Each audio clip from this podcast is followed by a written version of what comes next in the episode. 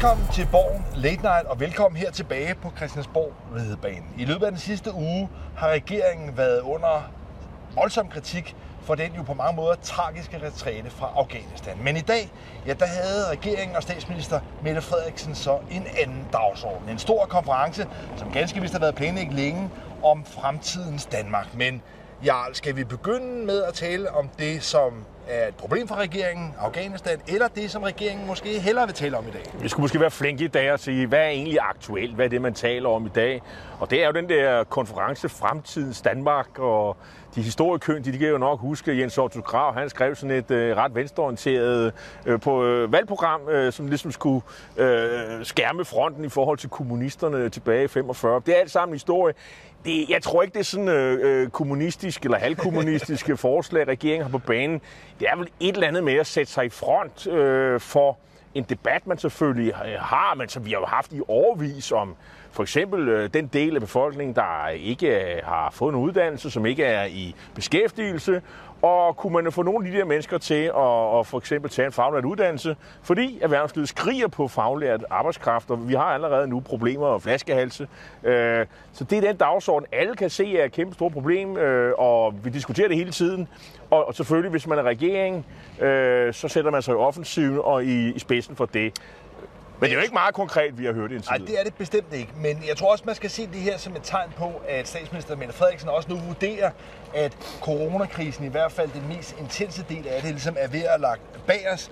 Og en af de store dagsordner, som hun selv ligesom har haft øh, i drejebogen, er begrebet anden generations reformer. Altså en idé om, at når vi skal ind og udvikle det danske samfund, styrke økonomien, så er det nogle nye tandhjul, vi skal begynde at skrue på. Og der er det netop, som du er inde på, det her med, hvordan får man flere øh, indvandrerkvinder i arbejde, hvor hvordan får man øh, løftet flere ufaglærte op og bliver faglærte. Der er mange altså... unge mænd for eksempel, som, øh, som man, man, man simpelthen står og mangler bag maskinerne. Ja, og der kan man sige, at den her dagsorden er noget, som Mette Frederiksen nu i virkeligheden forsøger lidt at tage patent på. Men det er mildt en dagsorden, som stort set alle velorganiserede interesser i det her samfund er enige om. Men der får Mette Frederiksen, altså nu som du også beskriver det, synes jeg er fint, at sætte sig i spidsen for det her. Men problemet er jo så stadigvæk, at hvad er det helt konkret, der skal gøres for at få flere unge mænd til at tage en faglært uddannelse, få flere indvandrerkvinder til at komme ud på arbejdsmarkedet? Det har vi altså ikke hørt meget om. Men det må komme snart, fordi at øh, statsministeren, øh, jeg erindrer i hvert fald, der var et stort interview i Weekendavisen med statsministeren, hvor hun faktisk bebudede, at her til efteråret, der skete der en hel masse. Der var regeringen ligesom Moses kom ned fra bjerget med om ikke 10 stentavler, så i hvert fald øh, nogle reformforslag. Om det bliver anden generations øh, reformer, som de færreste ligesom øh, kender til, ved ikke rigtig, hvad det er for noget, eller om de de gode gammeldags øh, første generations øh, reformer, så noget med at skære i SU'en og skære i, øh, i, øh, i dimittenssatser for universitetsuddannede, og på den måde få dem øh, ud og bestille noget mere, og få dem motiveret, og Øh, det får vi jo se, øh, men, men, men, men man kan jo ikke vente sådan hele efteråret. Men, men forløbig synes jeg, man må konstatere, at hele den her dagsorden, reformer, anden generations reformer, er et ret godt strategisk træk af regeringen. Fordi for det første undgår man i virkeligheden den her klassiske debat om nedskæringer og om besparelser, og formår i stedet for, kan man sige, at adressere nogle mere komplicerede problemer, men formår jo samtidig også at øh, træde ind i sådan en reformatorrolle. Og det er jo noget af det, Mette Frederiksen har ellers været under kritik for. Der har været en del borgerlige, som har kritiseret og sammenlignet hende med Anker Jørgensen for bare at fyre penge af her under corona. Men her formår hun altså også at forpligte øh, samfundets forskellige interesseorganisationer på den her reformdagsorden. Så, så i virkeligheden kan man sige, at det her er jo også et ret snedigt forsøg, et oplæg til valgkamp, hvor hun forsøger ligesom at neutralisere den kritik, der vil komme fra borgerlig hold om, at den her regering i virkeligheden bare er øsle og fyre penge Man kunne også øh, være fræk og sige, at det er et forsøg på at, at, at trække tiden lidt. Øh, jeg, jeg, jeg tror ikke, man bliver forpligtet øh, af at gå til en konference. Jeg så Cepos-direktøren, Martin Aarup var derude. Jeg tror ikke, han følte sig forpligtet af at deltage og få fem minutter Øh, der var også nogle af de andre partiledere, borgerlige partiledere, som sagde, Øh, øh altså officielt er undskyldningen for Jacob Ellemann og Alex van Opslag at blive væk, det er, at de havde, de havde andre ting i programmet, øh, som de ikke ville sige nej tak. De skulle besøge erhvervslivet og vælge og andre gode ting. Øh, og som, øh, men når man sådan taler med dem, så siger ja, vi får fem minutter, og så måske lidt, lidt, en, øh, et par linjer i Ritzau, og så kan vi jo stå der og spille tiden, men statsministeren, øh, hun fylder tiden ud sammen med, med 10 andre ministre. Det er statsministerens show, hvorfor skulle man deltage i det? Øh, man kommer til at ligne de der, der hopper og sprang op øh, i, ved Marienborg, da man skulle lave de her øh, covid-19-restriktioner osv. Så men taktisk, taktisk tror jeg også, det er en rigtig beslutning af både Jakob Ellemann Jensen og Alex Van Opslag at udeblive fra mm. det her socialdemokratiske show. Men kun taktisk. For strategisk, altså hermed mener jeg, at det lange spil, det er den store kamp, der synes jeg, man må konstatere, at Mette Frederiksen i virkeligheden sætter rammerne for det spil, der er. Og det, jeg synes, man skal bemærke her, det er, at alle de store interesseorganisationer, de er der, og de taler jo med på den her dagsorden. Men de kommer Så, jo altid, de kommer altid, når der bliver kaldt. Og det er jo og, det privilegium, med regeringen har, kan man sige. Øh, ja, ja. Hvis der en regering skal have nogle af de her ting igennem, så tror jeg, at mange af ting, det er noget, der skal bæres igennem med Venstre. Øh, så, så må ikke Venstre blive hørt øh, til sin tid. Og så var de også repræsenteret ved Torsten Schack Petersen, som var deres erhvervsordfører. Så det er jo ikke fordi, at, at Venstre boykottede øh, konferencen her. Men det kom jo også til at handle om nogle andre ting, øh, fordi ja. statsministeren øh, har jo ligesom taget tråden op. Det er en anden debat, der kører om, at at tempoet herinde er helt vildt øh, opskruet. Øh, dels er det medierne, man skælder ud på, men også, skal man sige, arbejdsformen med, at øh, man, øh, det er jo en lovmaskine, der maler her konstant og hele tiden. Måske ikke lige i øjeblikket, hvor der er pause, men, øh, men, men, men flere siger jo, at øh, man bliver stresset. Vi har set mange politikere blive stresset, gå ned med, med, med, med flaget i det Augen, Alex Van Opslag, mange andre. Vi har set Sofie Carsten Nielsen sige, at dansk politik går i stykker, og, øh, og, så, og det er også noget, som statsministeren øh, har en mening om. Øh, men ikke så mange skal man sige, konkrete løsningsforslag, Nej, i hvert fald ikke endnu. En af de skarpeste kritikpunkter, jeg i hvert fald har set i den debat, det var øh, konservativs Rasmus Jarlov, som var ude, synes jeg, meget åbenhjertigt og ærligt og erkende, at dengang han sad som erhvervsminister, der var der altså ofte, når han var nede og fremlægge lovgivning i salen, at han i dag i hvert fald indrømmer og erkender, at han faktisk ikke havde forstået detaljerne i det. Det var nogle embedsmænd, der havde sørget for det. Og det han jo så samtidig siger, det er, at han var absolut ikke alene om ikke at have overskuddet øh, hverken konsekvenser eller detaljer. Fordi stort set alle dem, der sad for de andre partier, altså ordførerne, ja, de var ofte fuldstændig blanke i det. Så vi har altså en proces, hvor øh, hovedpersonerne selv erkender, at når der bliver lavet lovgivning, ja, så har de ikke hoved og hale på, hvad der sker. Og det er klart, det er jo altså et bekymrende signal for Rasmus Jarlov. Og spørgsmålet er jo så, hvad man kan gøre for at stoppe det her. Hvordan man kan sikre sig, at, øh, at, at, at ordførerne og partierne bliver inddraget. Og der må man sige, der har vi... Afbyråkratisering, regelforenkling øh, og af en, øh, en lovbehandling, hvor man måske... Øh, måske ikke øh, altså, øh, øh hvad skal man sige, øh, sætter tempoet ned ved det, at det er måske ikke alle øh, beslutningsforslag, man skal, man skal gennemgå herinde. Det er måske ikke alle forspørgseler, der, der skal, der, man skal bruge tid på, øh, men det får du jo ikke enhedslisten og de små partier med på. De vil stadigvæk komme med deres, ændrings, med, med deres beslutningsforslag, som jo tager meget tid mm. her, som alle skal forholde os til. Det er jo en del af parlamentarismen. Øh, statsministeren kom jo også selv med et andet forslag om, for eksempel, da hun som beskæftigelsesminister ville sætte sig ind i, jeg tror det var øh, øh, lov omkring, omkring øh, kontanthjælp, jamen den øh, fyldte tre busser og 22.000 sider, og det vil tage tre døgn at, at printe øh, alle siderne ud og sådan noget. Øh, der er jo ikke en levende sjæl i kongeriget, som, øh, kunne, som overblik over det. Øh, og det er bare et eksempel.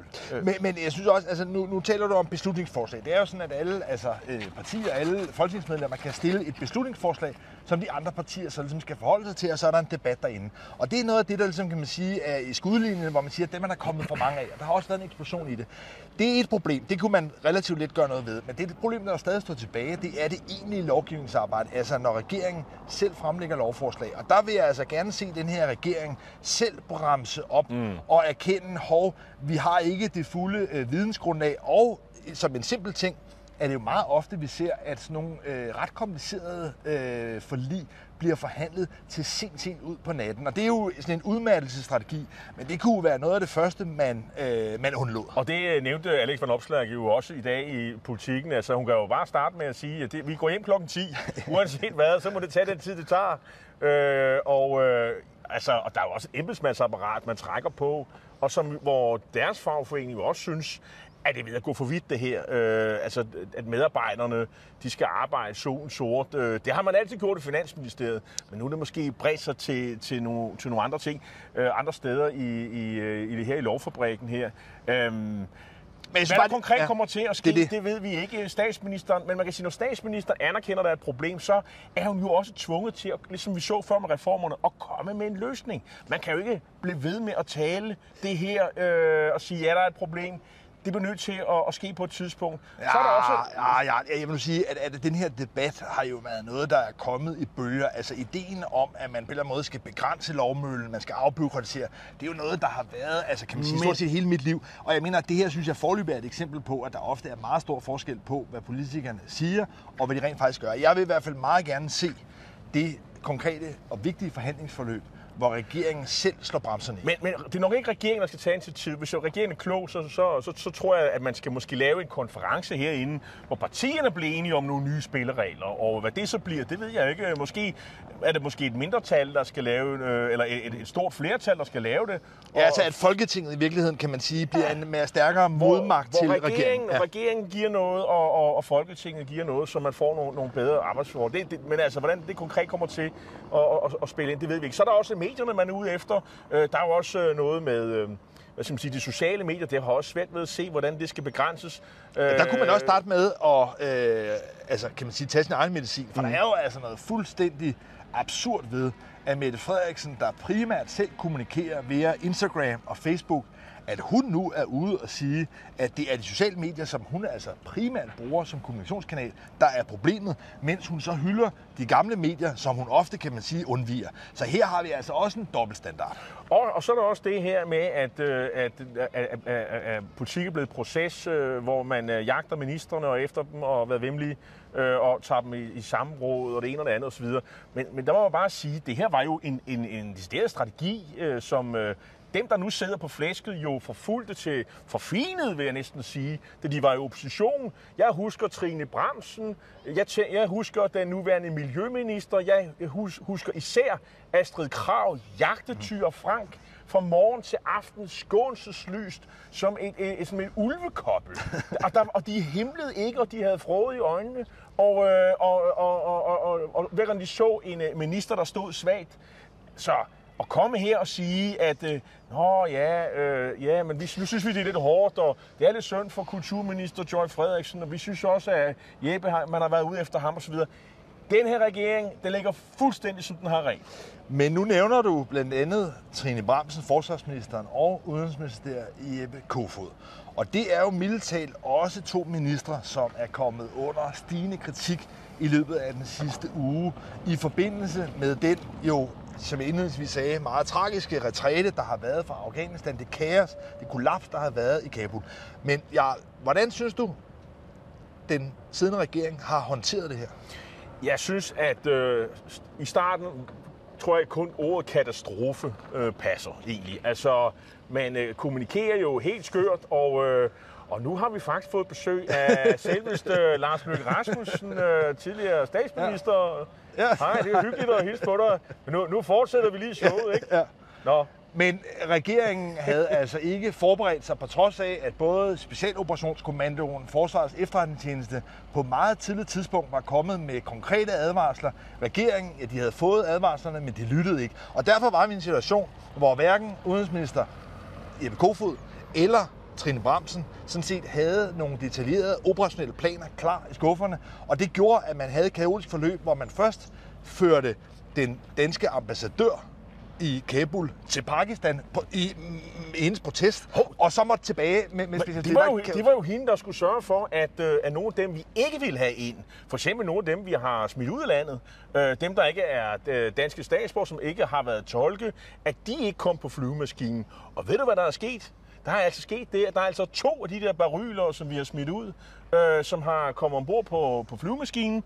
Om det er sket på det tidspunkt, da ambassadørerne, øh, som i øvrigt var rasende og protesterede imod den her beslutning, som ingen lande har truffet øh, i Udenrigsministeriet eller deroppe i Statsministeriet, det synes jeg, der er ingen anden øh, øh, hvad skal man sige, undersøgelse med undersøge. Hvem traf den beslutning? Men altså... Fordi man gik i panik. Altså man gik tydeligvis i panik øh, på grund af dårlig øh, forberedelse og hvor altså, ministerne også, kan man sige, altså øh, Jeppe Kofod har i hen over sommeren været på ferie, og har dermed ikke kunne deltage i forhandlingerne om en øh, plan, en aftale om, hvordan man skulle evakuere, hvem man skulle evakuere.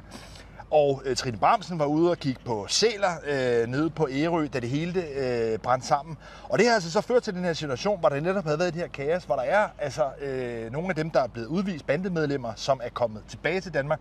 Og det er jo noget, der udstiller, kan man sige, at der tydeligvis ikke har været styr på det. Retfærdigvis synes jeg, man må sige, at det er jo noget, alle lande har været i. Altså det er jo ikke sådan, så øh, Tyskland, Frankrig, Sverige og andre lande nødvendigvis har håndteret det her øh, bedre. Tværtimod med der er i hvert fald nogen, også fra regeringen, der vil hæve det, at man fra den side faktisk, da man først gik i gang, fik en ret øh, effektiv evakueringsindsats op at køre.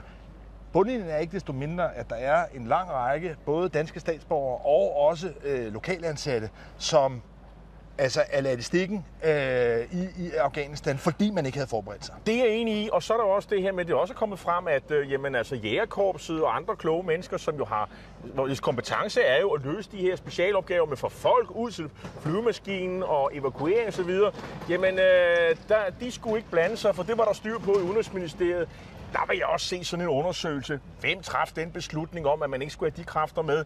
Hvor, hvor sikker var man på det her? For vi kan jo alle sammen se, i, i startfasen i hvert fald, der kiksede det helt vildt. Øh, hvem traf de beslutninger? Øh, er der nogen, man kan holde ansvarlig? Øh, Jeppe Kofod, det kan vi i hvert fald se. Han var meget lang tid med om at komme hjem fra ferie. Skulle nærmest presses til at lave en tolkeaftale. Helt klart øh, er, det i hvert fald, at øh, han står ikke så godt. Men kommer det til at få nogle konsekvenser? Fordi man kan sige, at vi har haft nogle tidligere forløb, måske mest spektakulært, med den tidligere udenrigsminister Lene Espersen, der aflyste et møde sammen med Hillary Clinton i Canada i Arctic 5 for at tage på ferie på Mallorca. Det var noget, hun altså, øh, fik enormt meget kritik for, og som var indledningen til hendes fald som udenrigsminister og leder af det konservative. Vi har også tidligere set forsvarsminister Karl Holst være på ferie, mens øh, mekanikerne til F-16-flyene nede i, i Syrien og Irak, øh, kan man sige, kritiserede øh, beredskabet, og hvor han øh, også i virkeligheden, altså Karl Holst, endte med at ryge på den her feriesag. Men, men, men altså, men er det her kan, noget, der får konsekvenser? Man kan i hvert fald sige, at øh, med Jeppe Kofods øh, standard, som han så, satte som udenrigsordfører for Socialdemokratiet, øh, hvor man jo var efter øh, med, med, med, med, hvad hedder hun, Lene Espersen, med hans egne standarder, med hans egen skal man sige, metermål, der burde han være gået af for lang tid siden. Det er der slet ingen tvivl om, øh, vil jeg sige. Men altså, gør han det? Tror du, tror du det, det får konsekvenser? Det naturligvis ikke, og jeg tror, det handler om, at når man nu har fået alle, mange, de fleste med hjem, øh, minus nogle af de her baryler, man ikke rigtig har haft lyst til, fordi de, man har smidt dem ud. Øh, de har været udvist for, øh, for en periode, og så er de alligevel kommet ombord den her flyvemaskine øh, til, til, til Danmark. Øh, så tror jeg, øh, at øh, man vil sige, jo jo, men øh, opgaven er, er løst. Øh, det var nogle øh, fodfejl, det så ikke godt ud i starten. Øh, jeg har svært ved at se de radikale enhedslisten og SF til sidst øh, give ham silkesnoren. Og det er jo, der skal trods alt mere til. Og det er jo altid en statsminister, der altså sammensætter sit øh, ministerhold og i sidste dans kan man selvfølgelig blive væltet, men det er vi jo slet ikke ude i her. Og jeg tror, at Mette Frederiksen igen vil gøre en demonstrativ pointe ud af at være trofast mod sit ministerhold. Altså, der har været flere sager, hvor hun ligesom øh, har vist, at hvis de er lojale mod hende, ja, så holder hun også hånden over dem. Og så er der en ting til. Altså, når det her er overstået om en uges tid, øh, og vi ikke har Simidjern og andre i Kabels Lufthavn til at stå og rapportere om alle de her ting, og det er en ting, hvor, hvor Danmark ligesom ikke rigtig har så mange aktier mere, så tror jeg, det er noget, der forlader øh, opmærksomheden øh, lige så hurtigt, som det kom på. Og, øh, og så taler vi om nogle andre ting. Måske øh, personsager. Og øh, siden sidst I var her, jamen der havde vi jo en øh, personsag med... Øh, med, vi havde vi spekuleret om, øh, hvordan øh, de konservative øh, sommergruppemøde måtte spille af, og, og man må sige, at Søren Pape, han tog fusen på os alle sammen med at sige, alt det der politik, I ikke livligt gider høre om, det har jeg droppet, og så, så fremlægger han jo sådan set øh, konklusionen af den der rapport, øh, i hvert fald partiets konklusion, øh, som var, at øh, både i hans forretningsudvalg, altså det konservative forretningsudvalg, og øh, folketingsgruppen stod bag øh, øh, den konklusion, der var i den, den rapport, som, som Blæstner, det lokalfirma, havde lavet, hvor der havde interviewet alle de her kvinder, som påstod, at, at, at, at hvad hedder han, at Carter havde øh, på, opført sig ubehageligt på, på, flere, på, på, på, på forskellige måder over for dem. Jamen konklusionen var, at han ikke kunne være medlem af det konservative Folkeparti. Så på den baggrund, så øh, tog Pape jo konfrontation med, med, med, med, med, med Carter. Det har ikke været behageligt, men man kan sige, at han havde maksimal rygdækning i sit eget parti for at træffe den beslutning, øh, som på mange måder, sådan at sige, også som sige, gjorde den færdig for de konservative. Altså, jeg tror ikke, vi kommer til at høre så meget med det, selvom man kan sige, kunne han være gået ind noget tidligere? Og det kan man altid kritisere ham for, men det her var måske måden, man skal gøre tingene på. Bruge en million kroner af partiets øh, kasse, sætte nogle advokater i gang, og så få ham ekspederet ud. Ja, i hvert fald den officielle forklaring fra det konservative, det er, at Søren Pape reagerede prompte, da Danmarks Radio øh, bragte den her historie om fem vidnesbyrd med kvinder, der var øh, blevet forulæmpet, som havde oplevet seksuel overskridende adfærd fra øh, Nasser Carter der reagerede han prompte ved at få nedsat den her uvildige advokatundersøgelse, og da konklusionen så kom, ja, så gik der under et døgn, så havde forretningsudvalget først besluttet enstemmigt og ville ekskludere Nasser Carter. Så man kan sige, at i forhold til den viden, man har haft, der har man ikke kunne handle meget hurtigt. Det er den officielle forklaring. Det, jeg dog synes stadigvæk står tilbage, det er, at øh, konservative, ligesom mange andre partier, har i virkeligheden først handlet i det øjeblik, hvor der ikke var andre muligheder tilbage. Forstået på den måde, når der først er fem vidnesbyrd øh, om seksuel krænkelse, så bliver man nødt til at reagere på det, og når en advokatundersøgelse så konstaterer, at de vidnesbyrd er troværdige, ja, så er der altså heller ikke så mange andre muligheder end at øh, ekskludere et, et folketingsmedlem. Så på den måde synes jeg ikke, at der er nogen sådan stor heroisk handling i det, Søren Pape har. Man kan diskutere, om han kunne have gjort det anderledes. Jeg synes i hvert fald, det skriver sig ind i det mønster af, at de politiske partier stadigvæk har en grundattitude med og vil dække over de her ting, gerne vil undgå, at de her ting udvikler sig. En kynisk analyse er, han stod med en kæmpe lortesag, eller en tækkende bombe, eller hvad du kan bruge, og jeg synes, han fik den afmonteret på en måde, som gjorde, at, at den har gjort mindst mulig skade på ham og hans parti og hans eventuelle politiske projekt. Øh, det synes jeg, man skal have. Men vi ved slut. Hurtigt, Ja-nej spørgsmål. Nasser Carter, øh, genopstår han for de døde, eller er han færdig i dansk politik, tror du? Nasser Carter er færdig i dansk politik. Det tror jeg også. Men næste uge, ja, det bliver endnu en hektisk uge. Regeringen kommer med deres øh, finanslov. Vi har også et meget langstrakt, meget altså langsomt forløb omkring nogle landbrugsforhandlinger. Det tror jeg først måske kommer øh, lidt senere. Det begynder også langsomt at gå i gang. Men den store ting i næste uge, at det bliver i høj grad, at regeringen kommer med deres finanslov. Og nu snakker du lige omkring øh, de her øh, øh, øh landbrugsforhandlinger. Der har øh, Troels Lund Poulsen, øh, venstremand, jo sagt, at øh, han, han gider ikke snakke med ministeren på området, Rasmus Prehn, fordi han er jo bare en stikkerand-dreng. Nu vil han snakke med finansministeren. Øh, der kan komme nogle penge på bordet, en, der har et mandat. Så der er altså øh, som man sige, varmet op til nogle hyggelige forhandlinger, og det er så møde nummer 59, de skal i gang med på det område. Så det er, lidt, det er langstrakt, som Lars siger. Øh, men, øh, og så kan det jo være, at der kommer nogle reformforslag i, øh, bundet i enden på, på det her, det synes jeg i hvert fald er på det her ting. finanslovsforslag. Det vil, jo, det, vil man, det vil jo være naturligt, kan Ja, det må man i hvert fald kan man sige. Nu har regeringen så i dag her altså lagt de her meget vidtløftige planer op. Hvis de ikke formår at konkretisere det i nogle af de konkrete udspil, der kommer i finansloven næste uge, så må man i hvert fald konstatere, at det mest har været spil for galleriet. Men i næste uge, der tager vi på udbanen. Vi tager til uh, Smiles by. Ja, vi kommer til Aarhus Festuge, så på gensyn i Borgen Late Night i næste uge fra Aarhus.